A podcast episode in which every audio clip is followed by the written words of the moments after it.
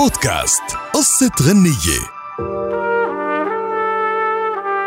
قصة أغنية لليوم من الأغنيات الجديدة بعنوان أزمة ثقة واللي غناها الفنان نصيف زيتون كتيتر لمسلسل الهيبة.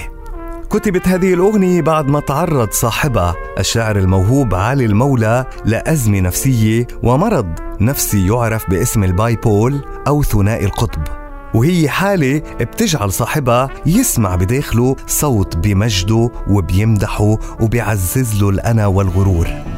وقال علي المولى بإحدى مقابلاته إنه الصوت كان يقول له أنت شخص غير عادي أنت المخلص وأنت وأنت وأنت.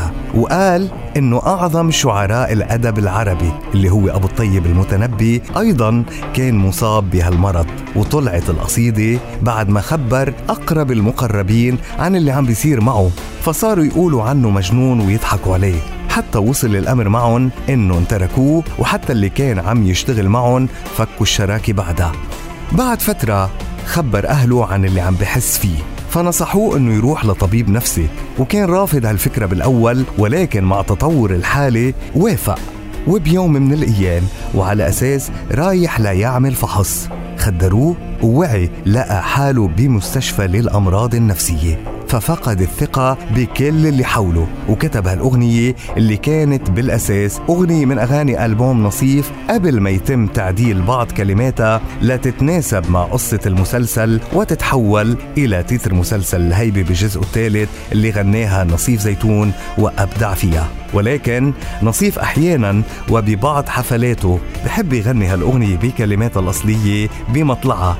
وبالحالتين رح تبقى هالأغنية من أنجح ما كتب علي المولى ولحن فضل سليمان وغنى نصيف زيتون.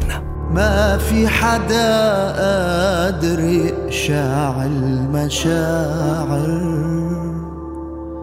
قبل ما يأمن ويحب حتى الوفاء رح يطلع بالآخر. خاين لأن عمياء عيون القلب. ما تدور ترضي الناس تذكر أنت الأساس. في ناس بتعطيها عمرك ما بتستاهل ثانية. بودكاست قصة غنية.